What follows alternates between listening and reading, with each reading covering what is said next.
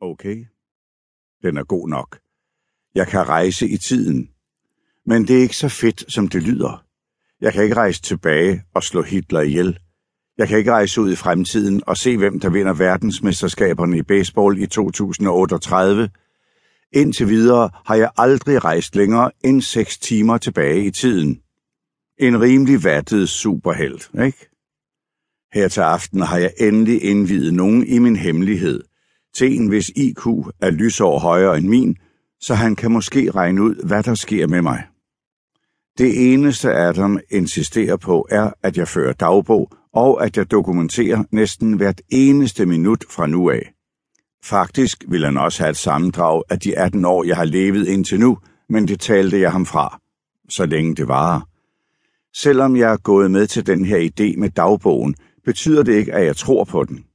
Verden går jo ikke under, fordi jeg kan springe rundt i tiden, og jeg kommer nok heller ikke til at tjene noget større formål, som for eksempel at redde menneskeheden fra at uddø. Men som Adam siger, så må der være en grund til, at jeg kan det her, og det er op til os at finde den. Jackson Mayer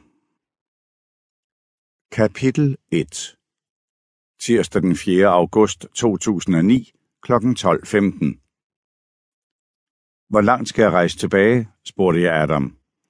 Vi holdt lidt afstand til den lange række af børn, som stemlede sammen rundt om isbjørnene. En halv time, foreslog Adam. Hov, giv slip på den der. Holly snuppede den slikpose, som en af sommerskoleungerne havde nejlet fra en klapvogn og sendte mig et irriteret blik. Det kunne være rart, hvis du rent faktisk gad se efter din gruppe af børn. Beklager, Holly. Jeg løftede hånden op, inden hans kleptomane vaner til overhånd. Frem med hænderne, sagde jeg til ham. Honda smilede et tandløst smil og holdt sine puttede hænder op foran ansigtet på mig. Kan du se? Jeg har ikke noget. Og sådan skal det være, okay? Du må ikke tage andre folks ting.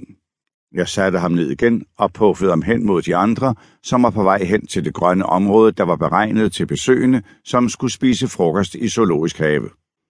Holly, sagde jeg, greb hendes hånd og flettede fingre med hende. Hun snurrede omkring mod mig. Jackson, du har et blødt punkt for kleptomandrengen, ikke? Jeg smilede til hende og trak på skuldrene. Måske. Hendes panderynken forsvandt, og hun tog fat i min grønne uniformskjorte og trak mig hen til sig, inden hun kyssede mig på kinden. Nå, men hvad skal du lave i aften? Øh, jeg har en date med en virkelig køn blondine. Jeg kunne bare ikke huske, hvad vi havde planlagt at lave.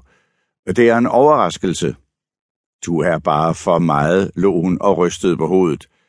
Tænk, at du har glemt dit løfte om at bruge en hel aften sammen med mig på at recitere Shakespeare på fransk, bagfra, og senere skulle vi se Titanic og Notting Hill. Jeg må have været fuld dengang jeg sagde det. Jeg skævede over Hollys skulder, inden jeg kyssede hende hurtigt på munden. Men jeg kan godt gå med til Notting Hill. Hun rullede med øjnene. Vi skulle ud og høre det der band med dine venner. Har du glemt det? En lille pige fra Hollys gruppe trak hende i armen og pegede hen på toiletterne. Jeg smuttede forbi hende, inden vi kunne nå at diskutere, hvorfor jeg ikke kunne planlægge to uger frem i tiden, og samtidig huske planerne to uger senere.